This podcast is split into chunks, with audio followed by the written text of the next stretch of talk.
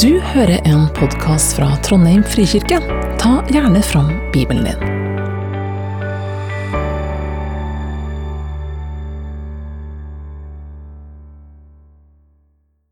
Jeg skal lese fra Matteus 28, vers 18 20.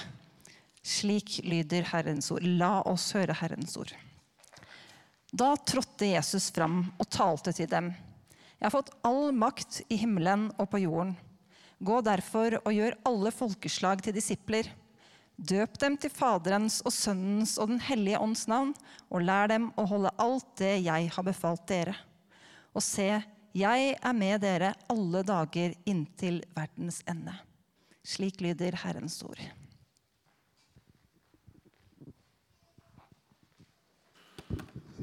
Jeg vet ikke hvordan det er med deg, men eh, når jeg hører veldig kjente tekster fra Bibelen, så har jeg en dårlig vane. Og det er at eh, jeg tenker ja vel, det her kan jeg jo. Eller dette har jeg jo hørt før. Og Av og til så begynner jo tankene bare å vandre til andre ting. Eller så tenker du ja vel, sånn er det jo. Eh, vi skal ut i verden og vitne om Jesus, og han er med oss alle dager. Så flott. La oss gå videre til noe mer spennende. Det er litt farlig å ha det sånn. Jeg tror at eh, når vi har holdt på med Bibelen en stund, så ser vi kanskje at den har flere lag. Og Av og til når vi tror vi kan tekster godt, så er det fordi vi kanskje ikke har stoppa opp og tenkt hva er det faktisk Jesus sier her. Jeg har vært på retreat noen ganger, og da er du jo veldig mye i stillhet. Og du er veldig mye sitt med en tekst, kanskje noen få vers, en halv time. Og Det er ganske rart hvordan det åpner opp teksten på helt nye måter. Du oppdager ting som du ikke trodde du ja, kunne se eller forstå. Og Kanskje er det litt sånn med denne teksten òg. Det er jo en tekst som vi kan fordi vi hører den så ofte. Vi hører den hver gang det er dåp. Eh, og Den blir også innleda med at vi får høre at eh, La oss høre vår Herre Jesu Kristi befaling om den hellige dåp. Og Derfor kaller noen denne teksten for eh, dåpsbefalinga. Andre kaller den for misjonsbefalinga. Og det sto det jo også over denne teksten her i dag. Misjonsbefalingen, sto det. Og Jeg måtte jo lære denne teksten utenat på misjonsleirer når jeg var 9-10-11 år. Fordi da ville jeg eh, få sånne leirmerker. Blå og rød og hvit leirmerke. Er det noen som har alle tre her? Bare jeg? Ja vel. Ingen som har vært på Norske Misjonsselskap sine sommerleirer? Nei. Men jeg måtte jo lære den utenat. Misjonsbefalinga. Men her er vi da ved det første, kanskje overraskende punktet i dagens tale. Og det er at dette er verken en dåpsbefaling eller en misjonsbefaling. Og Da ble du kanskje litt overraska. Men hvis du hadde lest denne teksten på gresk, så ville du ha sett at denne teksten har fire verb. Det er verbet å gå, gjøre disipler, døpe, lære og holde. Og når jeg gikk på skole, så skilte vi mellom imperativ og partisipp. Heter det partisipp fortsatt, dere som er lærere? Bra. For av de fire verbene så er det bare ett imperativ. Ordet 'gå' er et partisipp. Det er som om Jesus sier 'når dere går ut', 'idet dere går', 'mens dere går'. Det er liksom selvsagt for Jesus at disiplene skulle ut i verden. Og Ordet 'døpe' er også et partisipp. Døpende.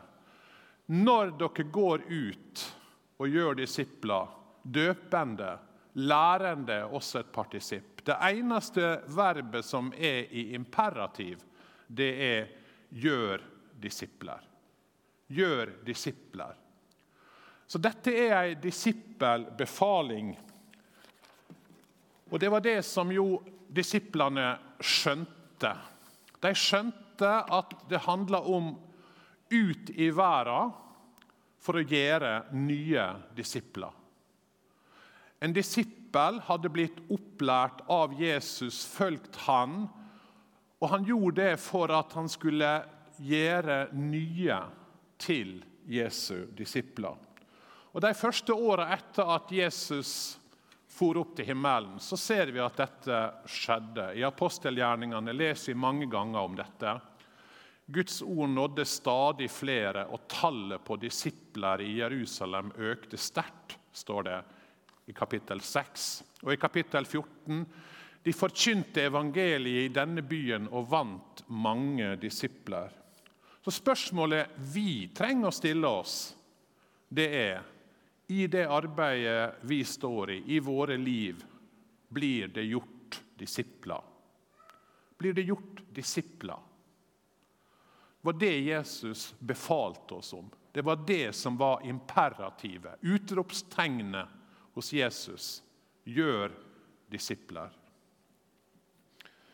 Jeg hørte om en som heter Øyvind Hasås, som altså var sjef på Gardermoen eh, for en del år siden, før han slutta og gikk over til å lede utbygginga av den nye terminalen på Gardermoen. Han ble intervjua, jeg tror det var fra ei fra NRK, som intervjua han om arbeidet på Gardermoen. Og Mens de snakker sammen, så ser hun at hele tida på det nettbrettet som han hadde, og på telefonen hans, så var det et rødt tall oppe i hjørnet som bevega seg liksom opp og ned på 90-tallet hele tida. Et rødt tall, stadig i forandring. Så ble jeg litt nysgjerrig og så spurte hun hva er dette røde tallet. Så sier han jo, det røde tallet er punktligheten på flyplassen på Gardermoen. Og Hvis det kommer under 90, da er det full alarm. Da går alarmen. Da må alle legge fra seg det de holder på med. Når vi sitter i et styremøte, sier han, hvis det tallet går under 90, så slutter vi styremøtet. For da er det viktigere ting som skal skje, nemlig å få opp igjen punktligheten på flyplassen. Og så tenkte jeg, Det er jo egentlig utrolig, for han hadde en klar visjon. Han hadde klar, eh, et klart mål. Det skulle aldri være mindre enn 90% punktlighet på Gardermoen. Har vi sånne røde tall? Har vi sånne røde varsel? Hvis det ikke blir gjort disipler, hva er det da vi holder på med i menigheten her? Eller vi som kristne? Lar vi da alt annet ligge? For det var jo det Jesus ba oss om å gjøre. Gjør disipler. Kanskje vi burde hatt et rødt varsel på telefonene eller nettbrettene våre der det står 'blir det gjort disipler'. Så Det var det første litt overraskende. Kanskje er det andre også litt overraskende, fordi Jesus han sier at dette som skal skje, det skal skje først i Jerusalem, så i Samaria, så i, Judea, og så i Samaria, og så like til verdens ende. Og det gjorde disiplene de vitna først i Jerusalem om at Jesus var den Messias som jødene hadde venta på. At Gud hadde reist han opp fra de døde, slik at han er nå herre og han er frelser. Når Jesus da sier 'alle folkeslag', ja, så inkluderer det også det jødiske folk. Og Det høres kanskje ikke så overraskende ut for noen, men jeg har blitt overraska over hvor mange kristne som mener at fordi jødene er Guds eget folk, Guds utvalgte folk, så har de sin egen vei til frelse. De trenger ikke å bli forkynt ordet om Jesus, for den pakta som Gud inngikk med Abraham, sørga for det. Og Dermed så er misjon blant jøder noe vi ikke skal drive med. Og Mange trekker selvfølgelig også fram dårlige eksempel fra historien. Men er det i tråd med det Jesus sier, og det Bibelen sier? Og Det er jo det vi må spørre oss om. Det er jo ikke akkurat lett å vitne om Jesus for det jødiske folket. Men sann kjærlighet søker den andres beste, sjøl når den du elsker, ikke forstår det. Jeg skal ha en bibeltime om dette til høsten. og Da skal vi komme litt tilbake igjen til akkurat de utfordringene som ligger i dette. Men jeg vil bare si at dette er viktig for meg.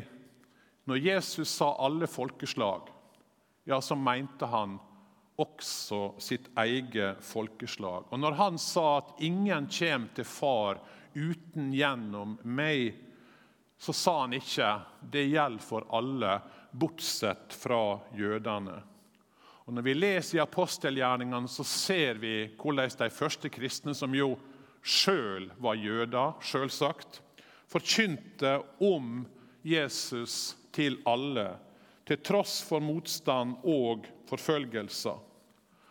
Og Det var ikke spørsmålet om evangelisering blant det jødiske folk som var diskutert blant de første kristne.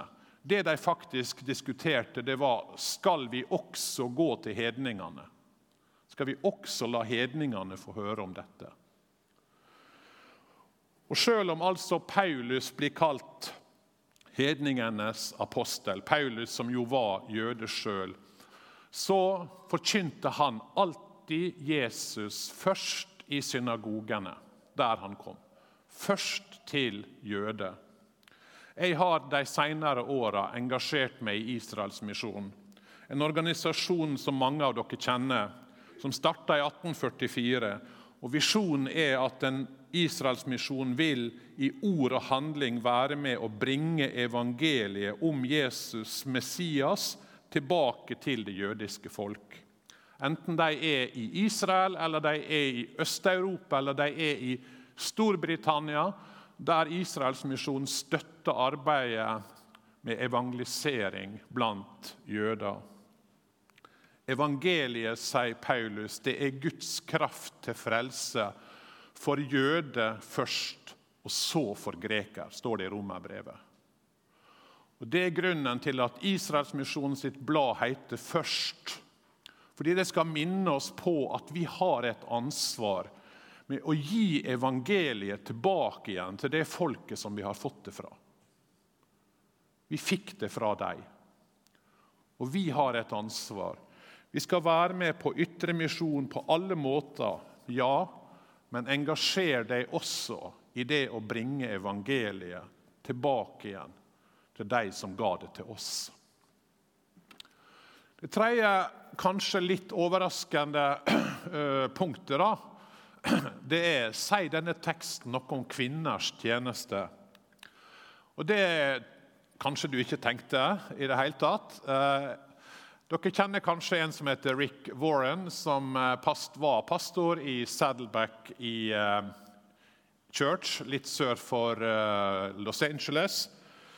Han var pastor der i 30 år. Han er en av de mest respekterte pastorene jeg vet om i USA. Og denne historien om Saddleback er egentlig ganske utrolig. De starta altså for over 30 år siden og har jo vokst til ei enorm kirke i en veldig tøff drabantby egentlig sør for Los Angeles. I løpet av disse 30 åra har de døpt 57 000 nye kristne. Og Her er bildet fra jubileum når de døpte nummer 50 000. Eh, og Det er fordi de har hatt en visjon om å nå ut med evangeliet til mennesker som ikke kjenner Jesus. Jeg må bare fortelle en liten historie. fordi Jeg jobba jo når jeg var i eh, Stavanger. Eh, jeg bodde der i 20 år. Da jobba jeg veldig tett de første åra med Bjørn Bue, biskopen. Han spurte meg om jeg kunne tenke meg å komme til Stavanger og jobbe sammen med han. Han hadde vært misjonær i Kamerun før han ble prest i Gann menighet i Sandnes og senere biskop. En fantastisk person. Han døde dessverre så altfor tidlig. Han var vel bare et par og 60 år. Jeg husker jeg var så ung at jeg tenkte at ja, ja, men han, har, han var jo egentlig ganske gammel. Men eh, jeg har jo skjønt at han var jo ikke det. Men eh, dessverre så døde han av et hjerteinfarkt. Men en utrolig person. En av de flotteste jeg har vært borti i mitt liv. Og Det var helt utrolig å jobbe sammen med han. Han hadde ei brennende tro og en nød for at folk skulle bli kristne.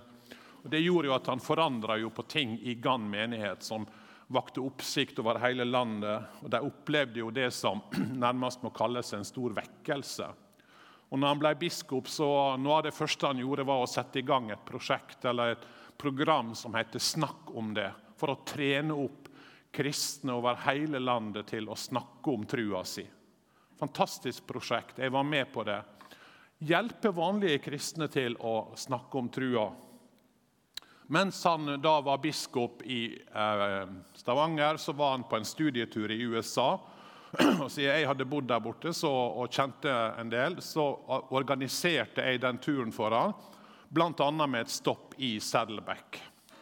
Så Han var på en måneds rundreise i USA, besøkte masse menigheter han besøkte masse flotte ledere. Når han kom hjem igjen, så spurte jeg han, hva var det som gjorde sterkest inntrykk på deg. Og Så sier han med tårer i øynene jo, det var sa han, da vi kjørte opp til Saddleback. For når de kjørte oppover eh, Den ligger liksom litt oppi bakken. Oppover bakken så de, sto der et skilt langs veien. If you're a visitor, Turn on your headlights. Dette var før de hadde sånn automatisk frontlykte på bilen. Hvis du er besøkende, så skru på frontlysa. Så Han lurte på hva dette var for noe. Og Så spurte han han som kjørte. ja, bare vent litt, sa han. Så kom de opp, de skrudde på lyset og kom litt lenger opp. Og Da sto der en sånn trafikkdirigent og vinka dem inn til de beste parkeringsplassene nærmest kirka, nærmest inngangen. Og Så var det som tårer i øynene på Bjørn når han snakka om dette. her. Tenk ei menighet, sa han, som gir de beste plassene. Ikke til pastoren, ikke til lovsangsbandet, men til de som er søkende. Er det rart at de døper 57 000? For noen uker siden da, så Det var litt digresjon om Saddleback, men jeg hørte Rick Warden på et intervju på en podkast. Da snakka han litt om det som jo har vært, uh, blitt en stor mediesak i USA, nemlig at Saddleback uh, har blitt, uh, får ikke lenger være medlem av Southern Baptist Convention, som er stort kirkesamfunn fordi de åpner for kvinnelige eh, ledere og kvinnelige pastorer. Og Så ble han spurt om dette, her, og så snakka han litt om det. og Så sa han det at eh, han hadde jo sjøl vært imot kvinners tjeneste i alle år. Hva var det som forandra synet da? Jo, sier han, det var egentlig Jesu ord i misjonsbefalinga. Som han kalte den da. Han kunne ha kalt den disippelbefalinga. Jeg er enig i det. Men det, sikkert han husker det, da. Og Så begynte han å, å, si litt om hvordan han hadde studert disse tekstene. Jesus sin siste befaling. Sånn som Du finner den i Lukas, og du finner den i Markus og du finner den her i Matteus. Det er tydelig at Jesus etter oppstandelsen snakker med disiplene om dette her. Å gå ut i verden, vitne om Han, forkynne, døpe, lære. Og så sa han det at eh, i vår tekst så står det jo at det var de elleve. Men i de andre tekstene så er det jo tydelig at dette her skjer i et sammenheng der det var mange disipler. Og Så sier han at dette må jo være en befaling som ikke gjelder for fulltidsansatte. Nei, den gjelder for alle som kommer til tro på Jesus. Og så Hvis dette er en befaling til alle, så må det jo bety at alle skal kunne døpe og lære det er ikke sånn sier han, at kvinner de kan gjøre to av de fire tingene. De kan gå, og de kan gjøre disipler. Men de kan ikke døpe, og de kan ikke lære. Så langt Rick Warren.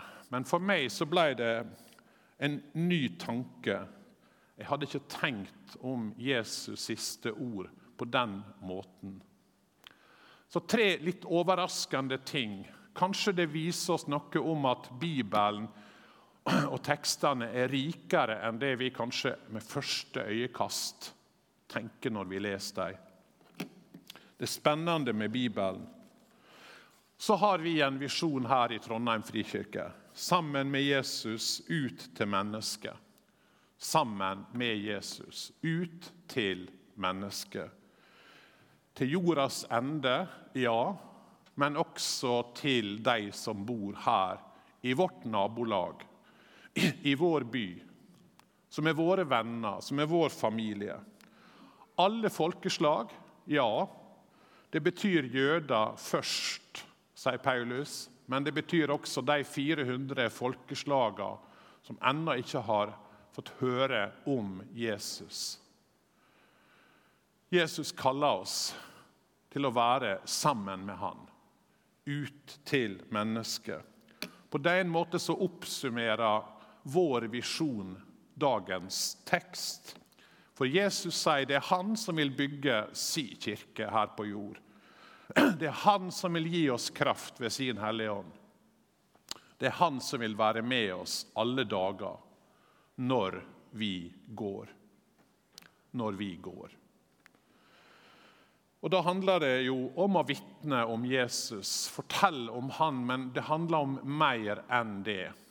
Johannes han har en annen tekst eller en annen sitat fra Jesus når han forteller om det Jesus kaller oss til. I Johannes' sin versjon så møter Jesus disiplene etter oppstandelsen. Så sier han, 'Fred være med dere, som Far har sendt meg.' Sender jeg dere. Som Far har sendt meg. Hvordan sendte Gud Jesus hit til jord? Jo, han sendte han som en tjener. Han sendte han for å tjene. Han ga avkall på alt og tok på seg en tjenerskikkelse. Og I Lukas sier han men jeg er som en tjener blant dere. Så når han sender oss, på samme måte som far sendte han, så sender han oss ut for å tjene. Og Det gir et større perspektiv enn at det bare handler om å gå ut på gatene og vitne om Jesus. Det handler om det også. Det handler om å vitne om Jesus, fortelle om han, forkynne han, invitere til han, men det handler også om å gå ut og være tjenere der vi bor, i vårt nabolag, i vår familie. Gjøre gode ting, være lys og salt i en verden som trenger det. Nettopp i vår hverdag. Og Det gir oss jo muligheten til å oppfylle Jesu befaling uten å være misjonær, uten å være fulltidsansatt. Gjør disipler, gjør det i ditt nabolag, blant dine venner. Tjene slik Jesus kom for å tjene. Og dele ordet om Han når folk er åpne for å høre. Og Kanskje er det det, når vi ser det, at visjonen vår kan bli levende sammen med Jesus. Det handler om mer enn å være sammen med Han når vi er på gudstjeneste. Det handler om å være sammen med Han i hverdagen der ute blant folk som han er. Når vi er på treningssenteret, når vi er på jobben, når vi er sammen med familien. Og Som menighet tenker jeg at kanskje er det vår oppgave å utruste og oppmuntre hverandre til å leve livet utenom søndag mellom klokka 11 og halv ett. Kanskje det er det som er den viktigste oppgaven til en menighet. Oppmuntre, utruste til å være med og gjøre disipler. John Maxwell, en eh, kjent skribent og leder, han sier at menighetene våre ligner for mye på et aldershjem og for lite på en rekruttskole. På et aldershjem der flytter folk inn, men de flytter aldri ut. Har du lagt merke til det? På en rekruttskole trener du hver dag for å gå ut i felten for å gjøre en innsats. For det er der Jesus var. Det er en som har telt opp Jesus sine møtepunkt med mennesker. 132 forskjellige i Det nye testamentet. Seks av dem var i tempelet, fire av dem var i synagoga. 122 var midt i livet. Det er der Jesus er. Det er der han vil at vi skal være. Og Det er der vi er kalt til å være sammen med han, ut til mennesket. Der er historie om da Jesus eh, hadde kommet opp igjen til himmelen og eh, fullført sitt oppdrag og sitter og prater med englene. og Så spør de ja, hva skjer nå, da, Jesus? Er? Jo, jeg har bedt disiplene mine om å gå ut og forkynne evangeliet til alle mennesker. Så svarer englene disse her er feige og tvilende disiplene. Ja, det er de jeg har tenkt å bruke. Så sier englene ja, men de er jo så få. Og hva om de svikter? Hva slags plan B har du? Og så sier Jesus det er denne planen han, jeg har. Det er oss han har. Det er deg og meg han har. Han vil bruke oss. La oss be. Jesus, du ga avkall på alt for å være en tjener. For å tjene oss, for å gi livet ditt for oss. Og så sender du oss ut på samme måte som du ble sendt til verden. Så sender du oss ut i vår verden til å være tjenere for deg, for mennesket. Til å vitne om deg, til å gjøre gode gjerninger, til å fortelle om hvem du er. Jeg ber at du skal gi oss frimodighet til å gjøre det kanskje litt mer enn det vi har gjort til nå. Ehm, vi kan få være en menighet som er sammen med deg, og som går ut til mennesket. Amen. Takk for at du hørte på. Velkommen til gudstjeneste søndager klokka 11. Mer informasjon finner du på trondheim.frikirke.no.